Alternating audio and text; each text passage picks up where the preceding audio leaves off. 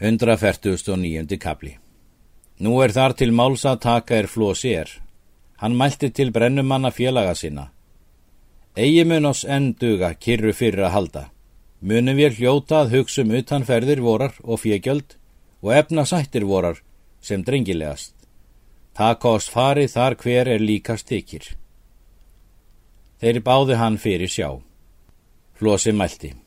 Austur munum við ríða til Hortnafjörðar því að þar stendur skip uppi er á Eyjólfur nef, frænskur maður, en hann vil byggja sér konu og nær hann eigi ráðinu nema hann setjist aftur.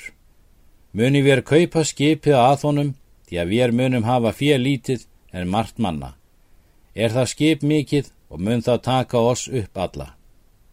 Hættu þeir þá talinu. En litlu síðar riðu þeir austur og léttu eigi fyrir en þeir komi í Bjarnarnes í Hortnafjörð. Fundu þeir þar Eyjólf því að hann hafði þar verið á vistum veturinn. Þar var tekið vel við flosa og voru þeir þar um nóttina. En um morgun eftir falaði flosi skipið að stýrimanni. Hann kvast ekki myndu þver í vera að selja skipið ef hann hefði það fyrir sem hann vildi. Flosi spurði í hverjum öyrum hann vildi fyrir hafa. Austmaðurinn hverst vildi fyrir hafa land og þó nær sér sagði Eyjólfur þá flosa allt sem fari var um kaup þeirra bonda. Flosi hvað skildu sama róa svo að keift yrði en kaupa síðan skipið að honum. Auðsmaðurinn glattist við þetta. Flosi bauð honum land í borgarhöfn. Auðsmaðurinn heldur nú á málinu við bonda svo að Flosi var hjá. Flosi lagði þá til orðsín með þeim svo að saman gekk með þeim kaupið. Lagði Flosi til landið í borgarhöfn með austmanninum en tók handsölum á kaupskipinu. Flósi hafði og af austmanninum 20 vöru og var það í kaupi þeirra. Reið Flósi þá aftur. Hann var svo vinsall af sínum mönnum að hann hafði þar vöru að láni eða gjöf sem hann vildi. Flósi reið nú heim til Svínafells og var heim um hríð. Flósi sendi þá Kól Þorsteinsson og Gunnar Lampason austur í Hortnafjörð. Skildu þeir þar vera við skip og búast um og tjálta búðir og sekka vöru og draga að slíkt sem þurfti. Nú er að segja frá Siffússonum að þeir segja flosa að þeir vilja ríða vestur í fljótslíð að skipa til búa sinna og hafa það vöru og slíkt annað sem þeir þyrtu. Er nú eigi kára að varast, sögðu þeir, ef hann er fyrir norðarland sem sagt er. Flosi svarar.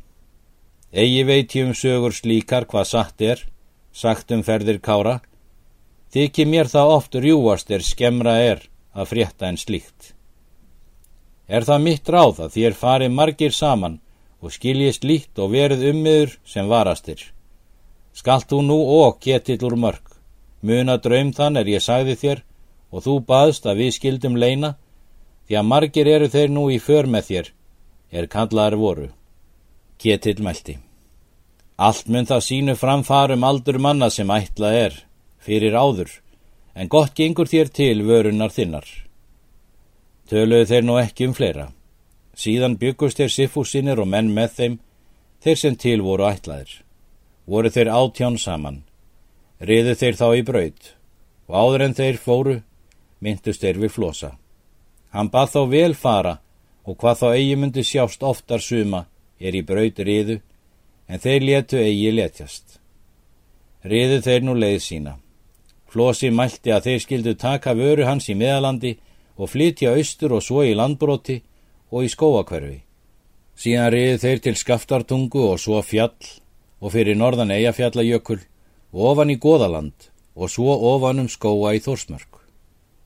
Björnur mörk að séð mannareiðina og fór þegar til fundar við þá. Þar kvöttu hvorir aðra vel. Siffúsinni spurða að kára sölmundar sinni. Fann ég kára, segir Björn, og var það nú mjög fyrir löngu. Reið hann það norður á Gásasand og ætlaði hann norður á möðruvöllu til Guðmundar hins ríka og þótti mér nú sem hann myndi heldur óttastiður. Þóttust hann nú mjög einmanni. Grani Gunnarsson meldi. Meir skildi hann þó síðar óttast oss mun hann svo fremi vita að hann kæmi í kast við oss. Hræðumst við er hann nú alls ekki, er hann er eitt sínsliðs. Ketillur mörg bað hann þeia og hafa engin stórirði frammi. Björn spurði nær þeir mundu aftur. Nær viku muni við er dveljast í fljótslýðsögðu þeir, hvað þá á dag fyrir honum nær þeir mundu á fjall ríða. Skildu þeir við þetta. Riðu nú Sifúsinir til búa sinna og örðu heimamenn þeirra þeim feignir. Voru þeir þar nær viku. Nú kemur Björn heim og finnur Kára og segir honum allt um ferðir Sifúsona og fyrirætlan þeirra. Kári hvað hann sínt hafi í þessu vinskap mikinn og trúleik við sig. Björn mælti.